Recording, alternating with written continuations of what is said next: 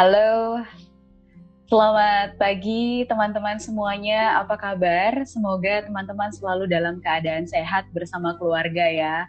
Nah, pagi ini uh, saya mau mengucapkan selamat datang di Chan Medan dan juga Chan Indonesia IGTV Live bersama duo AHA, Ayu dan Hendrik Tanuwijaya. Nah, kita tuh selalu berharap kita tuh berharap bahwa talk bisa memberikan banyak aha moment gitu ya buat teman-teman semuanya. Kalau nggak ada aha moment juga nggak apa-apa, yang penting talk show-nya berfaedah dan bermanfaat ya. nah biasanya kalau dua aha ini ketemu, biasanya kita akan membahas mengenai mindfulness dan juga uh, mental health issue biasanya gitu. Dan tema pada pagi hari ini adalah uh, menata raga, jiwa melega. Dia menarik sekali ya. Jadi um, untuk tahu lebih banyak apakah keduanya itu terkait satu sama lain atau sebenarnya ter, um, terpisah-pisah gitu. Atau uh, yang mana sih sebenarnya yang lebih penting gitu. Jadi kita akan bahas lebih lanjut bersama narasumber kita yang sudah ada di atas ini ya.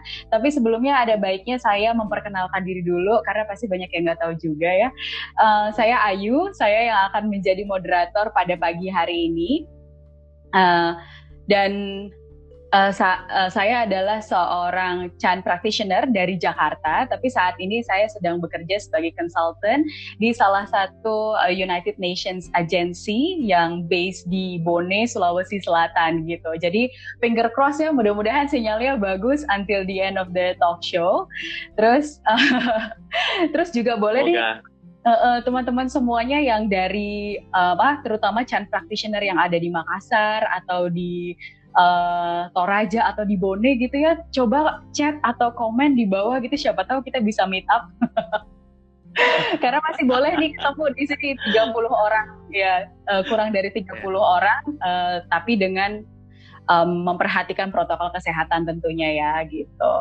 Um, Oke, okay, sekarang saatnya saya yang akan memperkenalkan narasumber kita pada pagi hari ini. Siapa tak kenal dia, Sela, Bro Hendrik Tantuwijaya. Jadi selalu senang ya kalau kita tuh ngobrol sama praktisi mindfulness gitu. Soalnya dari wajahnya aja tuh udah apa ya shining, shimmering, splendid gitu. Wih, baru nonton Aladdin. Dia dari wajahnya aja tuh udah apa berbinar-binar gitu ya. Belum lagi nanti kalau ngobrol biasanya me memberikan efek-efek ketenangan gitu. Nah ini narasumber kita pagi ini yaitu Hendrik Tanuwijaya. Beliau adalah uh, founder dari Mindful Project dari tahun 2017 um, sampai tahun 2020 kemarin dan itu adalah satu aktivitas satu kegiatan yang menurut saya saya selalu bilang itu food for the soul. Setiap tahun sekali saya selalu ikut gitu wajib ikut gitu. Terus beliau juga adalah uh, mindfulness expert dan juga advisor untuk relief. Um, beliau juga adalah uh, yoga teacher. Um, swasta yoga teacher dan juga Chan uh, practitioner dan fasilitator terutama di Surabaya. Dan di balik itu semuanya, beliau itu adalah seorang arsitek dengan spesialisasinya adalah Feng Shui base. Bener kan bro? Masih apal bro? Benar-benar. Mentap. Masih ingat ya memori My Full Project bulan lalu. ya. Jadi gimana bro? Kita udah ready? Udah siap? Oke, okay, boleh. Thank you. Gimana, kabar? gimana kabarnya bro? Uh, sehat jiwa dan raga seperti tema kita pagi ini? Hmm, sehat, sehat semuanya. Cuma kan ada ombak-ombak dikit ya adalah. Oh iya, ya wajar ya. Sebagai manusia wajar. wajar. Sip deh kalau gitu. Jadi tema kita pada pagi hari ini yaitu adalah tentang menata raga jiwa melega gitu. Jadi boleh nggak dijelasin ke kita apa tuh uh, cakupannya dari raga dan juga jiwa itu sendiri? Apakah mereka terpisah satu sama lain? Silahkan. Ya. Um, jadi ini jawaban dari saya sendiri. Jadi saya nggak uh, menyuntuh dari buku atau teori tertentu, tapi yang saya lihat adalah seluruh pengalaman dari hidup saya ini. Yang kalau saya amati sebenarnya memang terdiri dari dua ini yang sebenarnya tidak terpisahkan antara jiwa dan raga. Mm-hmm. Jiwa bisa dibilang uh, kesadaran kita yang bisa terdiri dari pikiran-pikiran yang muncul, perasaan-perasaan yang muncul, atau juga ketika kita mengenali adanya sensasi, kita sadar bahwa ada sensasi di tubuh. Nah, sensasi di tubuh ini merupakan satu jembatan juga akhirnya ke yang fisik gitu. atau raga. Nah, raga di sini tentu adalah tubuh manusia kita saat ini. Hmm. Tapi definisi saya saya perluas. Jadi apa pun yang sebenarnya berkontribusi terhadap raga kita, misalnya lingkungan, kita butuh makanan, kita butuh edukasi dan sebagainya. Dan kemudian hal-hal ini berkontribusi juga terhadap kita, maka dari itu tubuh ini bukan sekedar tubuh manusia kita aja yang satu orang ini Hendrik ini. Mm-hmm. uh, seperti ini dagingnya gitu enggak. Tapi juga dengan lingkungan kita dengan ruang di sekitar kita dengan aktivitas yang sedang kita kerjakan gitu. Misalnya uh, pekerjaan apa itu semua kan dilakukan dengan satu aktivitas tubuh yang tentunya juga diiringi dengan aktivitas jiwa. Maka dari itu keduanya uh, saling berhubungan sebenarnya hmm, oke oke oke jadi apa tuh uh, apa tuh kaitannya antara menata raga dengan jiwa yang melega? Oke. Okay. Ya, jadi menurut saya untuk menata jiwa dan raga ini perlu bisa juga dimulai dari menata raga terlebih dahulu. Mm-hmm. Karena biasanya jiwa dan raga kita tuh semacam kayak berantakan gitu. Atau bisa dibilang sedang terpecah ke mana-mana gitu jadi kalau kita sedang terpecah ke mana-mana kan kita kayak burem ya, nggak jelas ya. Hmm.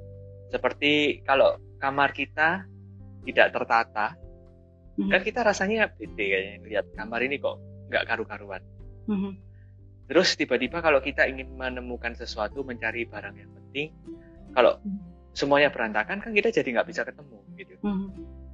Nah sama ketika kita sedang hidup, ketika batin kita tidak tertata, raga kita tidak tertata, maka ketika kita ingin menemukan solusi, akhirnya kita juga nggak bisa ketemu. Gitu.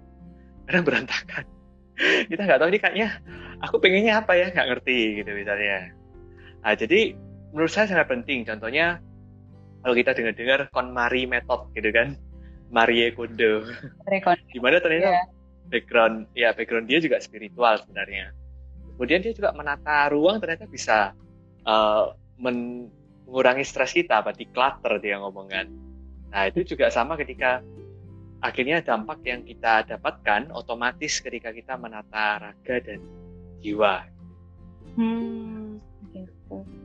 Oke, jadi ketahuan jadi, ya kalau uh-huh. ya, uh, ya maksudnya kayak lega gitu, ayo. Iya, iya. Kalau ruang kita tertata rapi kan ruangnya cukup buat kita bergerak. Iya. Jadi ketahuan ya kalau misalnya jiwanya berantakan tuh bisa dilihat dari kamarnya ya. Boleh cek kamar masing-masing deh. Iya iya iya. Terus bro, uh, gimana cara konkretnya gitu untuk menata raga? Oke, okay, ya. Menata raga kalau saya mulainya itu dari yang paling kecil dulu adalah tubuh saya. Mm-hmm. Jadi misalnya makan nggak telat-telat, ada tertata. Mm-hmm. Lalu makan juga tidak sembarangan. Mm-hmm. Setelah kita tata konsumsi, kita tata kegiatan kita, aktivitas kita. Misalnya kalau tidak pernah olahraga, ya tentu tubuh kita berantakan lah, postur kita berantakan, uh, otot kita mungkin keseleo di sana sini, lemah dan sebagainya. Tapi kalau kita tata itu, kita berikan kekuatan, kita berikan uh, istilahnya rutinitas sehingga dia bisa membangun kekokohan untuk mensupport dari tubuh kita. Nah, maka kemudian perlahan tenaga kita akan tertata. Saya sendiri juga ngerasain bahwa ketika saya dulu jarang olahraga, postur bungkuk, itu hmm. lebih banyak stresnya sih. Hmm. Karena saya merasa kayak kok suntuk banget ya gitu kayak kaku semua badannya. Tapi ketika raganya mulai tertata, saya nafasnya juga enak gitu kan.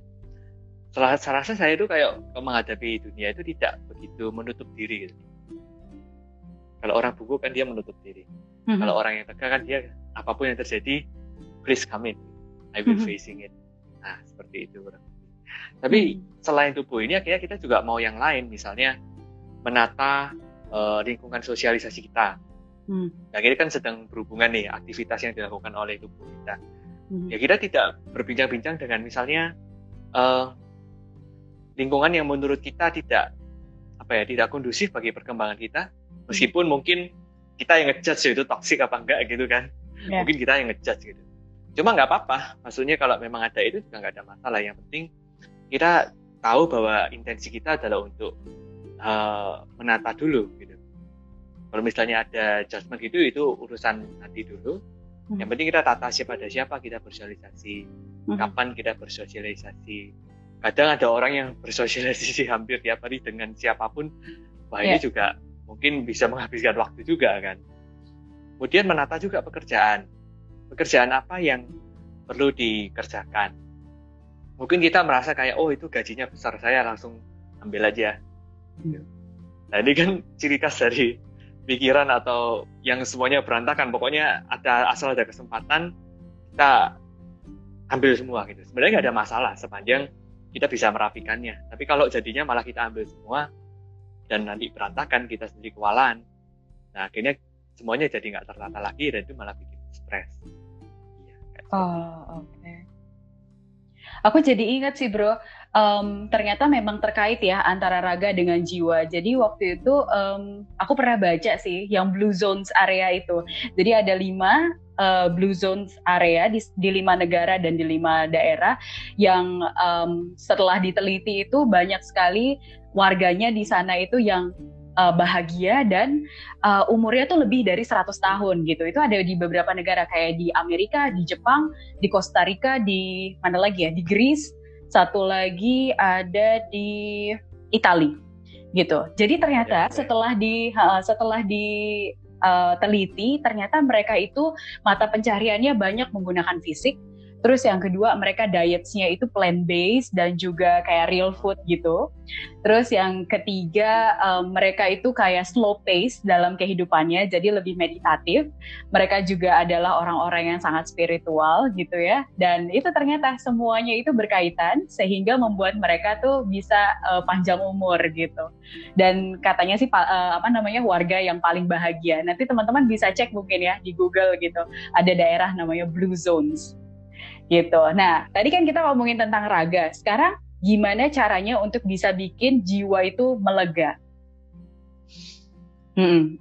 Oke, kita masuk lebih dalam ya. Iya. Oke. Ya. Jadi ini langsung tanya aja, ayo untuk -hmm. jiwa melega gimana, gitu maksudnya. -hmm. -hmm. Ya tentunya ketika segalanya berantakan, kan berarti kita perlu merapikan ya. -hmm. Nah, belum merapikan ini jadinya kita perlu meletakkan perhatian dulu. Mm-hmm. Kalau kita membuat mau membuat jiwa kita lega, kita meletakkan perhatian dulu. Mm-hmm. Sebenarnya sebelumnya mungkin kita tidak meletakkan perhatian, misal mm-hmm. pikiran kita ngawang ke mana-mana, semburat ke mana-mana gitu kan, jadi nggak ada jangkarnya. Eh. Sekarang kita ingin menjangkarkan batin kita ke aktivitas yang sedang kita kerjakan ke ruang kita saat ini. Jadi kita benar-benar rasakan, oke, okay, aku mau menata ini semua aku bawa intensinya ke sini mm-hmm. nah sepanjang kita meletakkan perhatian atau intensi ini mm-hmm. uh, kita sendiri tidak membuat apa ya sengaja membuat satu judgement mm-hmm. terus kemudian oh ini bagus di sini ini bagus di sini dan bagus di sana ini jelek di sini jelek di sana mm-hmm. nanti jadinya malah kita terhanyut oleh arus pikiran kita sendiri jadi ketika menata kita butuh memberikan ruang ke diri kita sendiri untuk istilahnya melihat dengan jernih sebenarnya apa yang perlu dan apa yang nggak perlu. Ketika kita melihat dengan tidak buru-buru menilai gitu kan, maka yang terjadi adalah satu perhatian yang lembut, tidak menghakimi, karena kita sendiri juga tidak uh, terlalu sibuk menilai gitu kan. Jadinya kita tidak terlalu menggenggam ini harus beginiin dan ini harus dibegituin gitu. Hmm, hmm, hmm. Jadi yeah. kita ya santai aja dalam menata sesuatu itu perlahan. Tadi yang Ayu bilang ternyata resep orang panjang umur itu slow pace misalnya. Nah, jadi dia menata aja perlahan, santai aja. Yang penting dia uh, kenali bahwa oh barang ini mungkin cocok di sini, ini cocok, mungkin cocok di sana. Mm-hmm. Jadi kita uh, menatanya in the spirit of uh, curiosity, gitu. mm-hmm. in the spirit kita penasaran mau belajar bagaimana sih cara menata yang baik. Hmm. Jadi kita bukan dalam artian kita menatanya dengan attitude seperti oke okay, selama ini aku sudah buat perantakan, aku hari ini bertekad mau merapikannya dalam sehari. Terus kemudian dalam sehari merapikan terus kecapean sendiri. Nah hal hmm. ini kan tentunya jadinya kontra ya. Jadi kita menggenggam cara kita sendiri untuk merapikan. Oh. Jadi kan kita menjadi satu genggaman baru lagi. Hmm. Kita akhirnya sebelumnya menggenggam sesuatu yang berantakan, sekarang menjadi menggenggam sesuatu yang harus rapi. Akhirnya hmm. kita sendiri sama-sama stres. Mungkin jadi lihat orang berantakan kita stres gitu misalnya. Hmm. jadi mudah mudah bereaksi nah yang kita mau bukan seperti itu. Tapi menata di mana kita sengaja memberikan space untuk kita perlahan dengan lembut kita tata perlahan sesuai pada tempatnya tidak perlu buru-buru Oh, I see. Tadi itu kan dibahas ya mengenai apa uh, kita tuh terlalu menggenggam atau attach gitu terhadap sesuatu dan kita tuh apa namanya um, akan akan lebih baik kalau kita bisa melepaskan atau let go gitu ya. Aku mau tanya sama Bro Hendrik, kenapa sih let go atau melepaskan itu satu hal yang penting gitu dalam hidup kita? Oke, okay. um, menurut saya kalau kita mau beristirahat gitu kan, hmm. nah kita butuh untuk let go Hmm. Maka ketika kita let go, kita tubuh kita dan jiwa kita mengambil waktunya untuk istirahat, maka hidup kita akan menjadi lebih sehat. Itulah hmm. mengapa pentingnya untuk let go. Contoh yang paling mudah itu adalah Anda tertidur. Kalau tertidur itu kan berarti kita kind of let go juga ya. Nah, kita yeah. let go lah. Nah, ketika kita let go, kita bisa sejenak istirahat dan tubuh kita juga berproses, jiwa kita berproses. Dan saya kemarin sempat lihat ada satu buku yang membahas tentang manfaat tidur gitu bagi kita. Nah, ternyata segitu banyak kan regulasi yang tercipta dari let go yang berupa tidur. Hmm. Hmm. I see.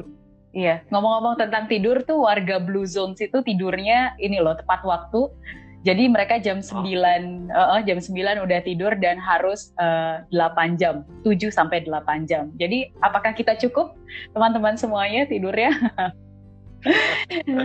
nah, tadi terkait dengan let go itu ya, uh, Bro, gimana sih caranya uh, untuk kita bisa let go? Oke, okay, ya. Hmm. Sebenarnya apa pun caranya itu sah-sah saja gitu. Mm -hmm. Banyak macam gitu kan kemarin Ayu sempat mention ada self healing, ada expressive writing. Hmm. Ya kita bisa aja let go bukan dengan cara seperti itu. Misalnya kalau saya mungkin kalau mau let go ke I hit the gym. Oh oke. Okay. Bisa. Atau people, some people ya kalau di Surabaya lagi tren uh, di Jakarta sepedaan gitu. Iya. Yeah. Atau running, everything can gitu kan. As long as we are moving. Yeah. Kenapa? Karena ketika kita menggenggam sesuatu, hmm. energi kita itu sebenarnya stuck. Ya kan? Hmm. Hmm. hmm, hmm nah, ketika stuck kita perlu melakukan aktivitas yang bisa membuatnya mengalir lebih jauh. Yeah. Nah, ketika kita mengalir lebih jauh, otomatis apa yang terjadi di tubuh dan jiwa kita kan lebih terregulasi. Nah, seperti itu. Yang yeah. penting adalah menurut saya lebih ke sikapnya. Oke. Okay. Apakah Anda menggenggam sesuatu yang Anda lakukan?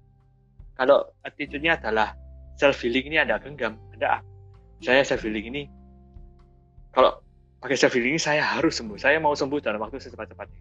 Hmm. Nah, justru malah nggak bekerja kan hmm. self healingnya, apa pun metodenya ya. Yeah. Kita butuh kerelaan, kita butuh kelegaan di sana supaya apa yang segala aktivitas yang kita lakukan itu mendukung satu pelepasan dari diri kita gitu. Yeah, nah, yeah. jadi menurut saya cara apa pun itu lumrah, gitu kan? Uh, seperti kayak tidur misalnya. Kita sendiri punya sebenarnya innate quality atau kesadaran in kesadaran alamiah untuk relax, hmm. untuk bisa let go. Contohnya tadi seperti saya sebutkan tidur, hmm. ada apa ngapain berarti bisa let go kan? Iya yeah, iya. Yeah. Nah, separah-parahnya mungkin seseorang insomnia atau apa sebagainya, suatu saat pun dia bisa melepas. Karena memang nggak bisa karena naturnya uh, manus di hidup manusia ini ada kalanya memang lepas gitu. Ada kalanya oh. memang pergi. Saatnya memang sudah terurai gitu. Oh, iya, Sama iya. seperti seseorang ketika sudah pada waktunya meninggal. Dan yang kedua yang paling contoh paling nyata mengapa kita meditasi menggunakan nafas karena apakah kita bisa menarik nafas terus menerus? Hmm. Kan otomatis akan menghembuskan nafas. Jadi dalam setiap tarikan dan hembusan nafas ternyata kita selalu let go. Hmm. Otomatis malah nggak sudah nggak usah kita suruh lagi udah let go. Hmm. Nah yang perlu adalah membiasakan diri kita untuk kita familiar dengan uh, kesadaran Lego yang sudah kita miliki ini. Karena hmm. kebanyakan dari kita, kita hanya membiasakan diri di kesadaran yang berupa genggaman atau menggenggam sesuatu. Jadi rasanya pengen dapat sesuatu, pengen dapat sesuatu. Jadi mungkin kalau kemarin waktu meditasi Chan itu kan dikatakan bahwa kalau kita nafas masuknya lebih panjang gitu, hmm. lebih panjang banget gitu, berarti kita ada keserangan gitu, katanya seperti itu. Jadi kan terlihat bahwa ketika nafas masuk itu kita ingin menggenggam, hanya menggenggam. Tapi toh tidak bisa kita genggam akan terhembus. Jadi menurut saya apa pun yang terjadi, biarkan saja itu terjadi. Kalau Anda tidak bisa menerima ya sudah. Tidak hmm. perlu berusaha diterima, tidak perlu berusaha di apa pun, hmm. tidak perlu berusaha ini. Hanya sekedar letakkan. Ya mungkin kata-kata usaha sebenarnya tricky ya. Karena uh, usaha itu menjadi bisa artinya sama dengan aktivitas gitu. Tapi bagi okay. saya mungkin kata-kata yang lebih tepat adalah usaha yang ngoyo karena hampir semua kalau kita berpikir tentang usaha itu pasti ada imprint bahwa oh usaha itu sesuatu yang ngoyo gitu kan. Yeah. Nah, kita kayak punya background seperti itu. Jadi menurut saya uh, bukan seperti itu kinerjanya. Jadi apa pun itu kita kembali familiar dengan uh, sikap let go yang sudah kita ada di kesadaran kita. Hmm. Oke okay, oke. Okay. Jadi memang nature-nya ya kayak misalnya nafas kita juga itu ada tempat masuk keluar gitu dan juga ya memang ya um, natural gitu memang melepaskan itu adalah suatu hal yang natural cuman kadang-kadang memang kita terlalu menggenggam ya ya bayangkan aja kalau kita terus nahan gitu ya nahan nafas ya Iya kan? Kan nggak enak kan? Betul betul. Muka merah. betul, iya iya iya. Uh, Oke, okay. saya juga jadi ingat sih bro. Jadi uh, terkait dengan self healing atau cara kita untuk let go, juga ada beberapa coping mechanism gimana caranya kita untuk kayak menyelesaikan masalah gitu. Jadi ada dua tipe biasanya. Biasanya orang ya, ada emotional focus coping, ada yang problem focus coping. Nah, kalau yang emotional focus coping tuh adalah orang-orang yang kalau misalnya ada masalah, emosinya dulu yang diberesin gitu. Ya misalnya, saya salah satunya sih. Kayak misalnya tidur dulu, terus abis itu makan dulu, nge-gym dulu gitu misalnya. Ya. Jadi oh, diberesin oh, wow. dulu emosinya sampai emosinya itu uh, apa namanya stabil baru kita bisa menyelesaikan masalah ada tipikal orang yang problem fokus coping jadi nggak akan bisa selesai kalau misalnya problemnya itu belum selesai gitu. Ada beberapa orang. Uh, Bro Hendrik yang mana nih tipenya? Saya kayaknya ada sedikit lah dari semuanya. Dari semuanya ya? Iya memang ada kombinasi ya. dari itu sih. Ya ya hmm. Nah, terkait dengan pekerjaan nih, Bro, gimana caranya um, kita itu bisa bekerja dengan sebaik-baiknya untuk mencapai hasil semaksimal mungkin, tapi enggak attach gitu? Hmm. Gimana Jadi caranya? Mungkin sama kaitannya dengan tadi ya, Ayu bilang oh, oh. problem solving. Iya, iya, Karena ya. kalau di dunia profesional tentu kita ya yeah. bikin problem solving kan. Iya. Yeah. Cuma nggak ada masalah kita solving the problem. Hmm, Tapi hmm. kadang itu kita gemesnya tuh. Iya, iya. Gemesnya iya. kalau nggak nge-solve itu yang jadi problem. Iya, iya. Karena seolah-olah kita harus bisa untuk nge-solve. Uh, ini sama juga dengan goal. Jadi kan hmm. dalam pekerjaan kita punya target, hmm. punya goal. Sebenarnya ada yang salah. Kita nggak apa-apa bikin goal. Hmm. Itu juga salah satu aspek dalam menata batin kita, menata raga kita.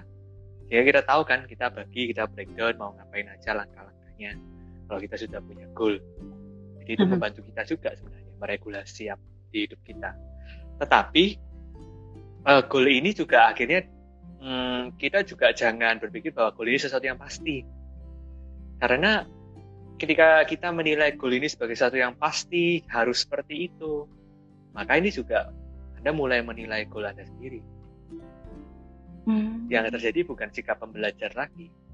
Belajar untuk menyapai goal bukan seperti itu. Akhirnya Anda malah kepikiran tentang goalnya karena Anda berpikir bahwa itu suatu kepastian, suatu keharusan. Padahal apa pun itu nggak ada yang pasti.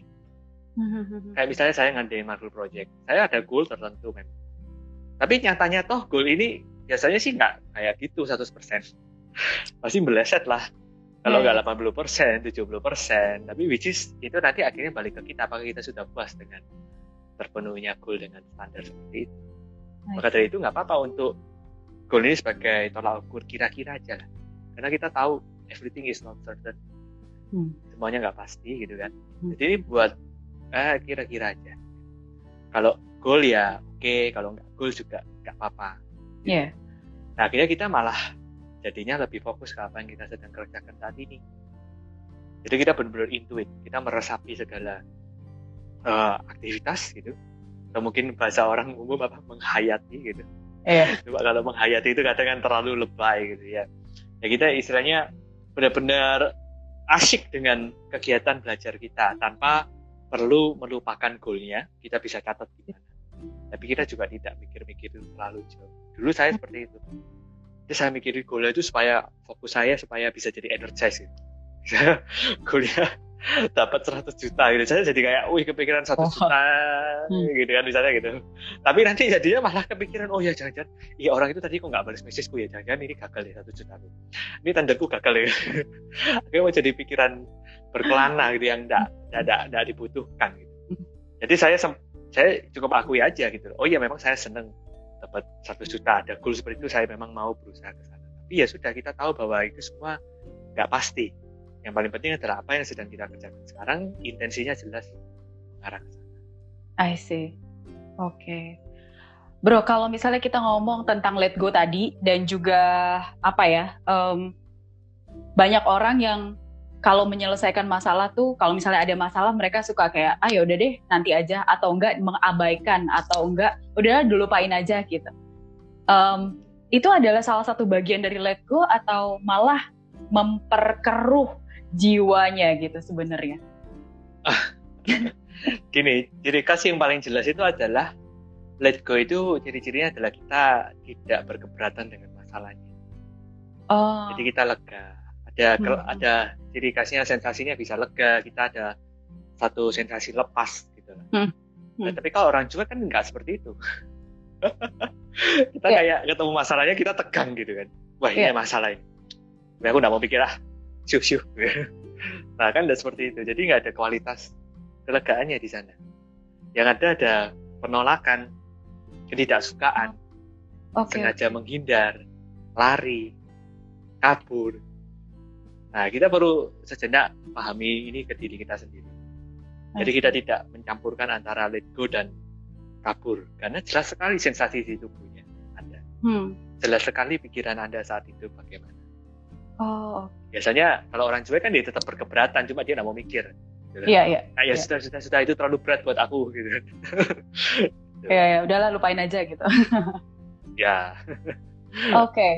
Terus berarti itu ada satu quality yang penting banget sih dalam let go itu ya. Kalau dari pembicaraan dengan Bro Hendrik, ada satu yaitu menerima gitu ya, accept acceptance gitu. Jadi seberapa besar kualitas acceptance yang kita punya dan juga misalnya memaafkan itu mendukung proses kita untuk let go terhadap sesuatu. Oke, okay, ya. Um, jadi menerima dan memaafkan sekali lagi juga sebenarnya kita punya kualitas seperti itu. Hmm, hmm. Jadi ketika sama saya kaitkan lagi dengan nafas ya. Hmm. Dengan tiap tarikan nafas kita menerima sesuatu. Dengan tiap hembusan nafas kita memaafkan.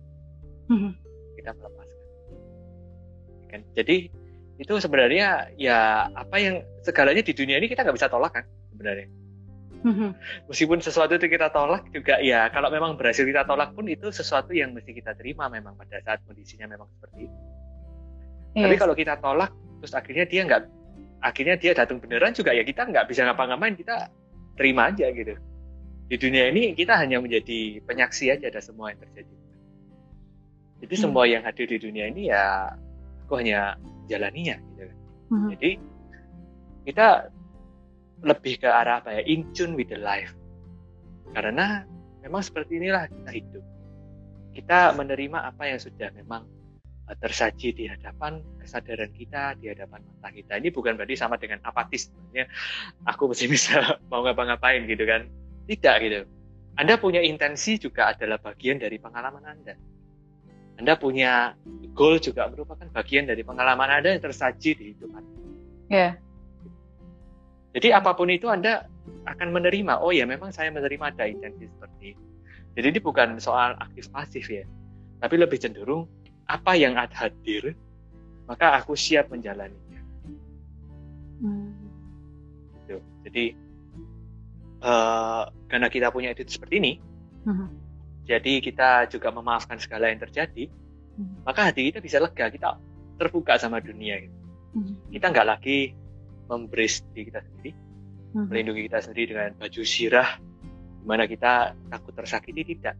Yeah. Karena apa pun itu, mungkin goal saya seperti ini, saya ketika ingin merampungkannya, saya harus take a risk, saya yeah. harus ambil uh, resiko, ya saya jalani jadi apa pun yang ada, saya hadapi. Nah sih. Oke, okay.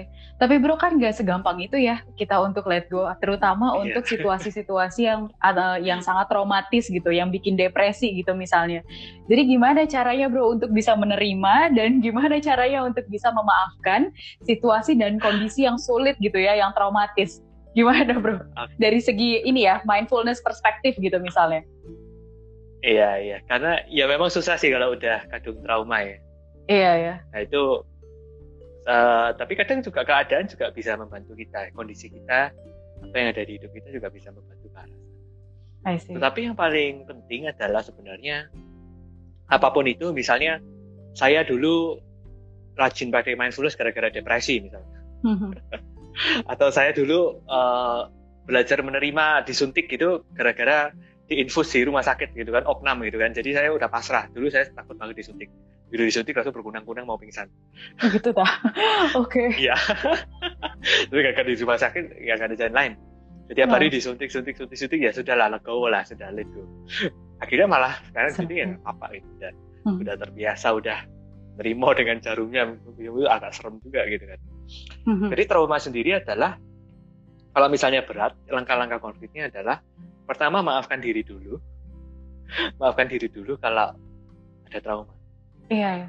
jadi jangan merasa aduh aku nih trauma gitu berarti something wrong with me gitu kan terus kayaknya mau dihapus saja terus kita uh, sibuk ikut self healing hmm. sibuk ikut sesi ini dan itu akhirnya kita malah attitude-nya adalah menggunakan self healing untuk menyerang trauma kita sendiri hmm. nah itu hmm. tidak seperti itu hmm. jadi kita maafkan dulu kita maafkan dulu ya tidak apa-apa trauma jadi semua orang terjadi seperti itu sepanjang kita semakin dewasa kita ada komunikasi dengan lebih banyak pihak maka kita akan tahu bahwa trauma ya tidak jadi soal semua manusia mengalaminya semua manusia pernah terluka gitu nah kita maafkan diri dulu yang kedua adalah maafkan kejadiannya hmm. karena sebagaimana tadi saya udah sharing kan tadi bahwa everything in the world ya kita nggak bisa kontrol apa pun yang tersaji kita terima hmm. maka kita maafkan kejadiannya hmm. ya sudahlah kejadiannya emang buruk. Jangan terlalu dipikir oh ya harusnya aku seperti ini seperti itu. Ya nggak apa-apa ada pikiran seperti itu cuma kita mau memberikan ruang dulu lah. Kalau misalnya itu terjadi ya nggak apa-apa. Kan kita bisa maafkan kejadiannya. Mungkin dia sendiri melakukan hal seperti itu ke kita ada orang lain yang membuat kita trauma. Hmm.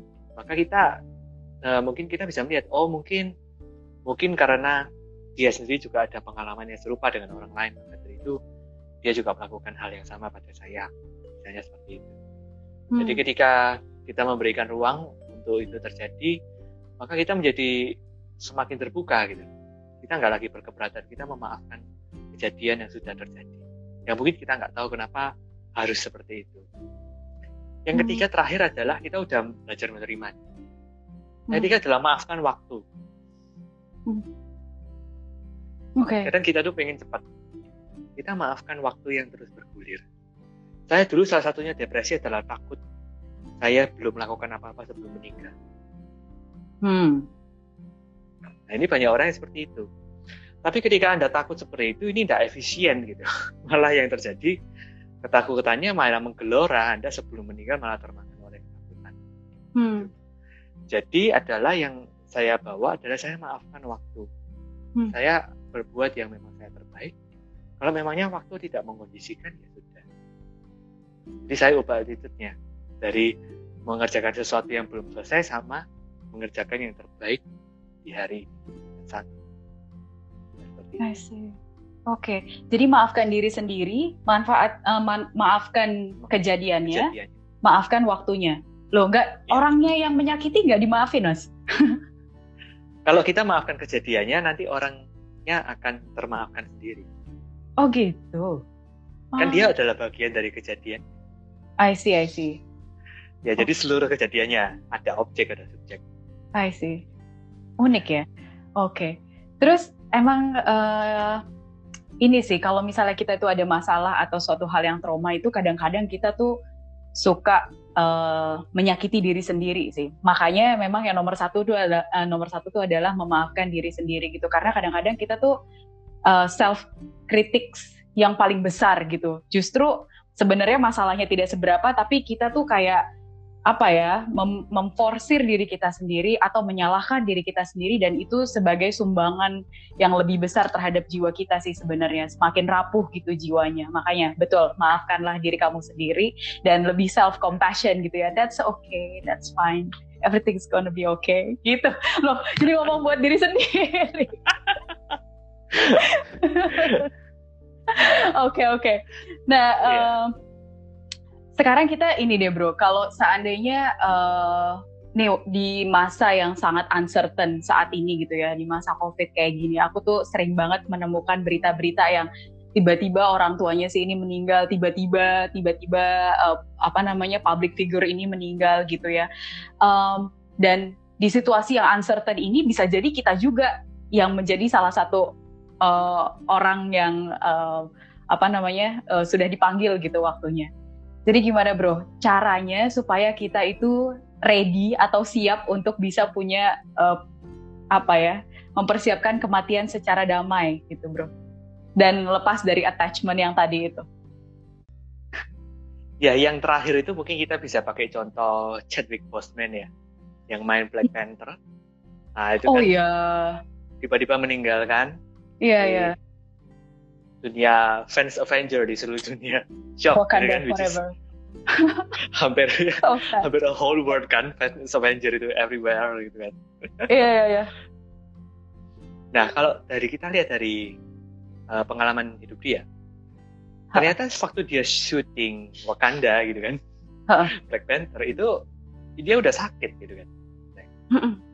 Dia udah sakit uh, kanker itu udah stadium berapa gitu Yeah. Jadi otomatis dia sendiri udah tahu bahwa at least dia merasa difonis juga mungkin sometimes ketika dia tahu kabar tersebut kan.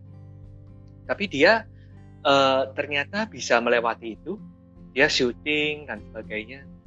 Kemudian yang akhirnya dampaknya malah sangat terasa terhadap uh, ketika ada permasalahan tentang ras di Amerika, terus dampaknya terhadap dunia perfilman sendiri, tokoh dia hmm. yang sangat uh, menginspirasi bagi banyak hmm. orang gitu kan, perubahan-perubahan. Nah, saya rasa itu akhirnya hidupnya juga menjadi satu inspirasi gitu kan. Iya. Yeah. Nah, hal seperti ini perlu kita renungkan bahwa apakah hidup kita seperti dia? Apakah kita live our life fullest? Apakah kita benar-benar hidup, hidup menghidupi sesuatu yang kita mau? Yang kita benar-benar inginkan di hidup ini? Kadang ini cukup blur untuk mengetahui apa yang kita inginkan. Karena apa? Biasanya, oh si A ngomong itu, orang tua aku ngomong begini, teman ngomong begini, orang lain siapa pun ngomong begini dan begitu. Mm-hmm. Akhirnya kita juga nggak jelas sih sebenarnya diriku ini siapa ya? aku ini mm-hmm. mau apa? Gak jelas juga gitu kan. Tapi sebenarnya cukup cukup mudah untuk mengetahui hal tersebut. Kembali aja pada apa yang membuat Anda merasa alive. Hmm. Merasa Anda fulfill, then do it. Saya kalau sekarang saya suka kaligrafi, I feel that alive, I'll do it. Aku suka kalisthenik, it make me alive, then I do it. Alive di sini bukan membuat saya bersemangat, menggelora gitu, tidak. Tapi hanya membuat saya merasa segar dan juga hmm. lega. Nah, saya cuma ambil itunya aja. Jadi then do it. Jadi jangan terlalu mikir banyak-banyak. Gitu. Hmm. Tentu kalau ada urusan uang Anda harus mempertimbangkan. Tapi at least kita mulai selangkah untuk ke arah sana. Jadi setidaknya meskipun kita punya tanggung jawab sebelum meninggal, yang mungkin kita tidak bisa tinggalkan, yang memang bukan mungkin bukan passion kita juga nggak ada masalah. Karena sebagian dari waktu kita sudah digunakan untuk menghidupi apa yang kita mau. Benar-benar hidup ini. Nah, jadi oke okay gitu. Jadi nggak perlu juga menjudge bahwa uh, hidup fulus itu berarti harus sesuai ini enggak. Bukan seperti itu juga Jadi apa pun yang kita alami, nanti kita bawa kesegarannya gitu. Misalnya kalau kita udah bisa mengetahui apa yang kita mau, kita bawa kesegarannya ke sesuatu yang uh, memang mungkin membuat kita agak suntuk gitu. Ya mungkin yeah. kita bisa kreatif mengeksplorasi. Misal, misal lah contoh katakanlah orang di Google untuk bekerja, akhirnya dia membuat kantor yang konsepnya which is Menarik ya? ada yeah. tempat duduk Evannya kan. Nah, hmm. berarti itu kan dia memberikan satu passion atau dia membantu orang lain juga untuk bisa menemukan enjoy di tengah situasi yang dipeliti gitu kan. Yes. Nah, ini uh -huh. kreatif kita kreativitas kita sendiri. Terus kemudian yang kedua adalah yaitu sama kayak tadi adalah memaafkan apa pun. Memaafkan apa yang dipikir diri sendiri. Memaafkan segala emosi ataupun perasaan kita hmm. memaafkan apa yang dirasakan oleh tubuh kita, hmm. memaafkan seluruh pengalaman yang enak ataupun. Hmm. Nah itu kalau akhirnya kita let go karena memaafkan berhubungan dengan mengembuskan nafas, letting go, lepas. I see. Oke, okay. itu kan tadi untuk diri sendiri ya.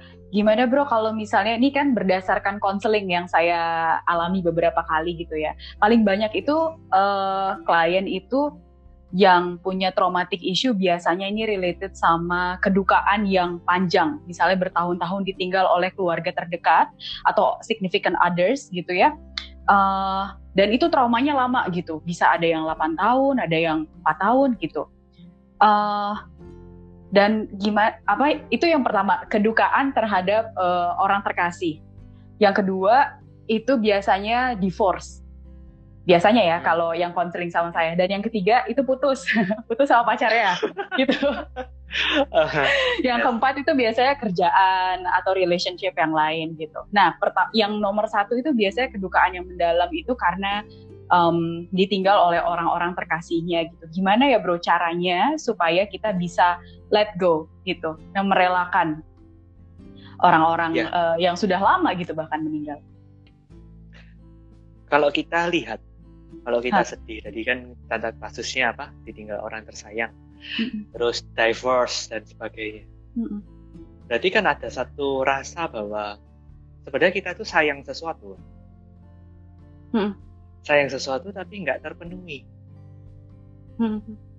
Dan kita sedih akan kondisi yang terjadi. Akan kejadian ini. Jadi, saya pernah dengar dari salah satu guru saya yang ngomong, grief is love that cannot go anywhere. Hmm. Jadi kesedihan adalah cinta kasih yang nggak tahu harus disalurkan ke mana. Jadi dalam kekalutan itu dalam pikiran yang acak dan berantakan kita nggak ngerti mau menyalurkan kasih sayangnya ke mana. Jadi menurut saya yang paling penting adalah apresiasi uh, luka itu, kesedihan itu, diapresiasi dulu, biarkan dia mengalir. Oke. Okay. Biarkan dia mengalir seperti air sungai. Apa air sungai juga ada sumbernya, mm -mm. ada mata air. Okay. Mata airnya itu kasih sayang itu sendiri. Jadi kalau sekarang sungainya terhambat, di blok itu nggak bisa ngalir. Sekarang kita buka bloknya perlahan. Nah, proses membuka blok ini adalah proses daripada letting go. Ya sudah saya menerima kejadian ini. Hmm. Saya memaafkan kejadian ini. Hmm. Maka alur arus dari emosi ini akan mengalir dengan lancar. Hmm. Jadi kalau kita melihat tubuh kita secara chi, nanti arus energinya akan lancar juga.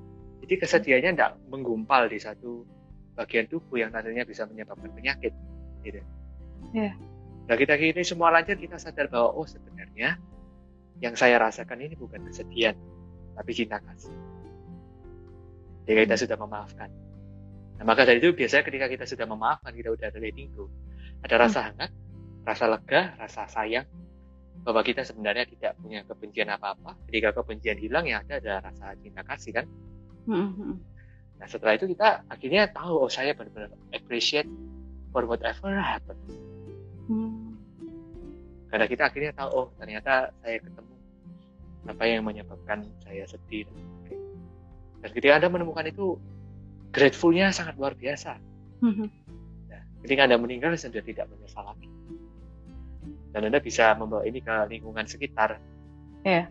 Seperti kalau ada keluarga yang uh, mungkin anda berpikir bahwa ah keluargaku ini seperti ini Mhm. berarti kan kemungkinan kematiannya juga tidak uh, baik gitu kalau kita punya interpretasi tertentu tentang kematian yang baik kehilangan yang baik atau sebagainya tapi nah ini kita mau, mau belajar untuk memaafkan bahwa apa pun yang terjadi Mhm. kita doing the best kayak tadi Mhm. kita punya goal kita doing the best but Mhm.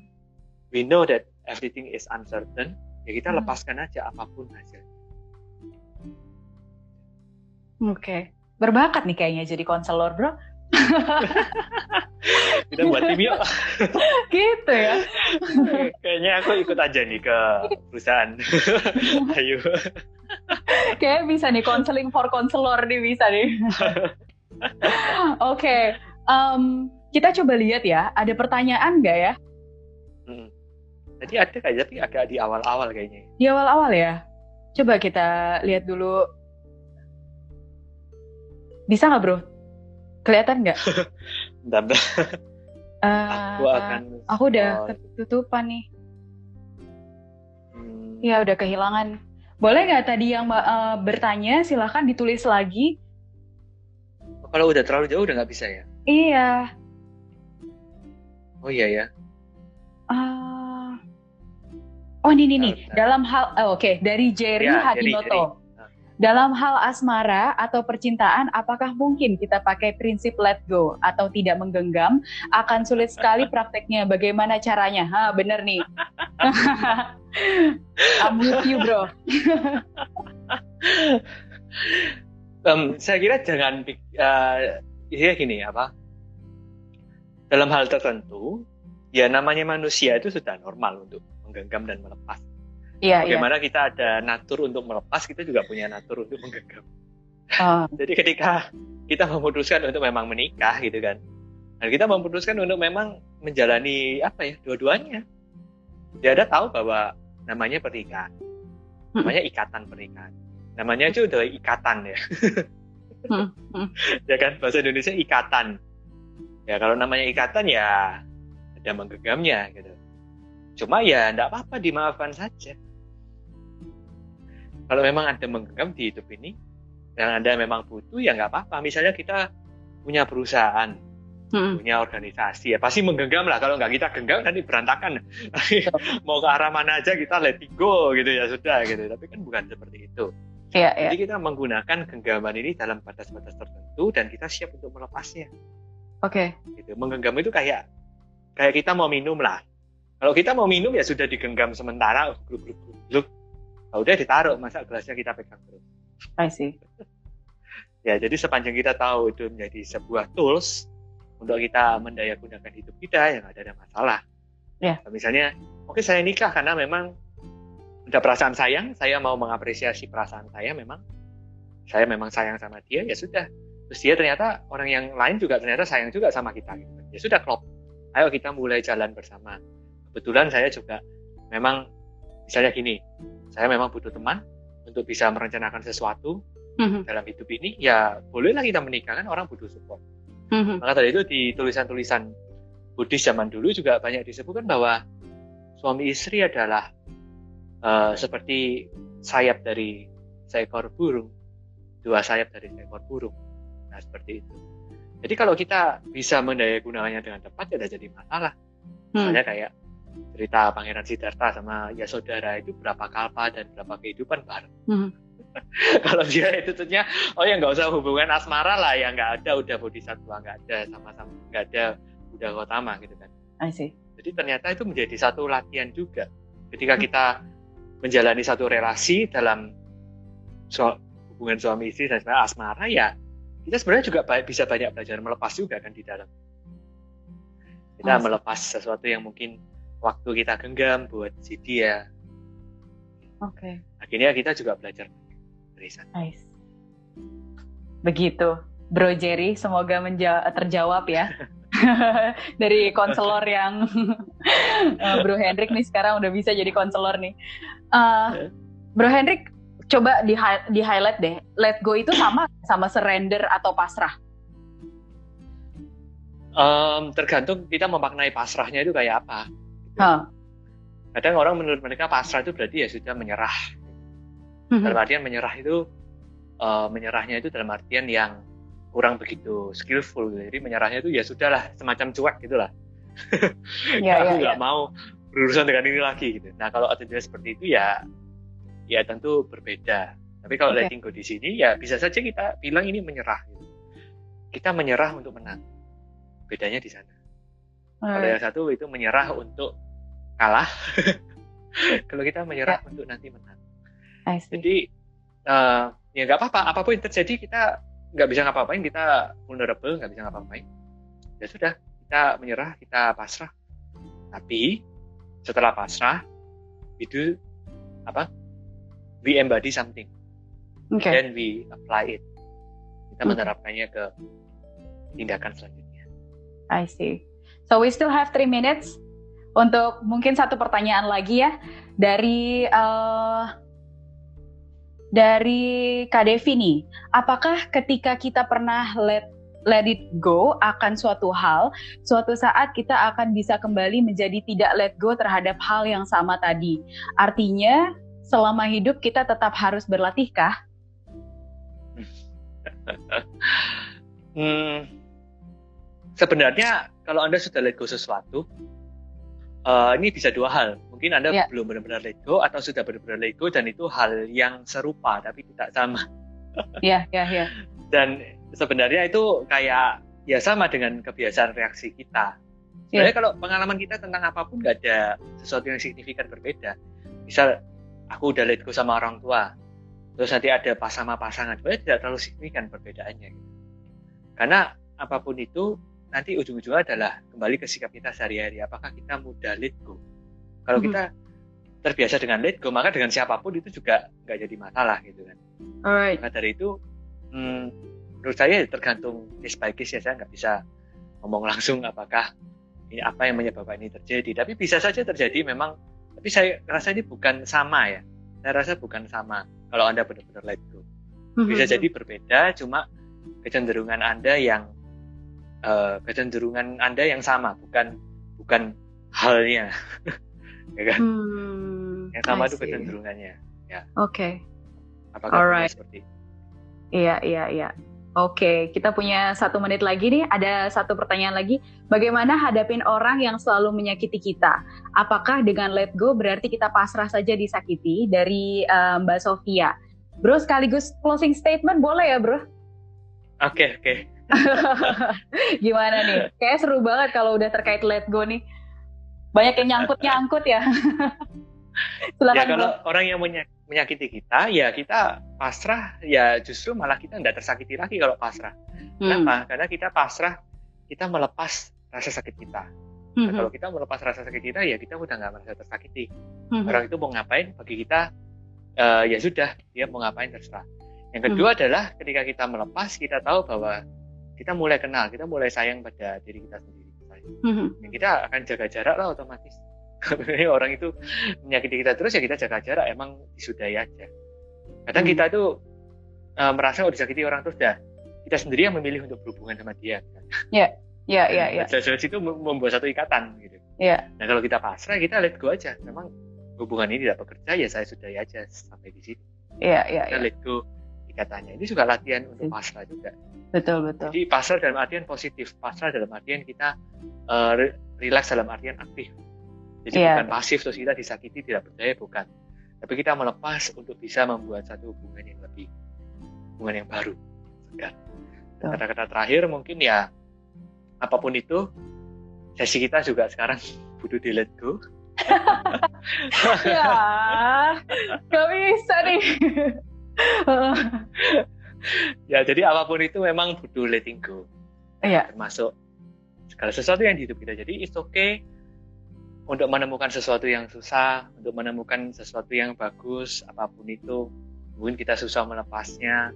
It's okay. semua dari kita saya juga termasuk juga belajar untuk letting go. Karena apa yang kita lakukan di hidup ini tentu saja juga nanti apa yang terjadi ketika waktunya sudah datang. Iya iya. So true. Dan knowing when to stop dengan relationship yang toxic atau pekerjaan yang toxic atau apa pun itu itu adalah suatu achievement juga sebetulnya. Jadi um, saya mau mengucapkan terima kasih banyak untuk Bro Hendrik Tanuwijaya. It's always nice to talk to you seriously. juga buat teman-teman semuanya, terima kasih banyak ya sudah apa namanya atas perhatiannya juga atensinya. Sampai ketemu lagi di IG TV Live Chan Medan dan juga Chan Indonesia dengan topik yang semakin menarik gitu ya setiap harinya. Stay healthy dan saya harapkan semuanya bisa menata raga, bisa uh, jiwanya melega dan bahagia. Oke, okay. sampai ketemu lagi ya. Thank you so Bye much everybody. Thank you semua. Bye. Happy Sunday. Yeah, thanks. Bye.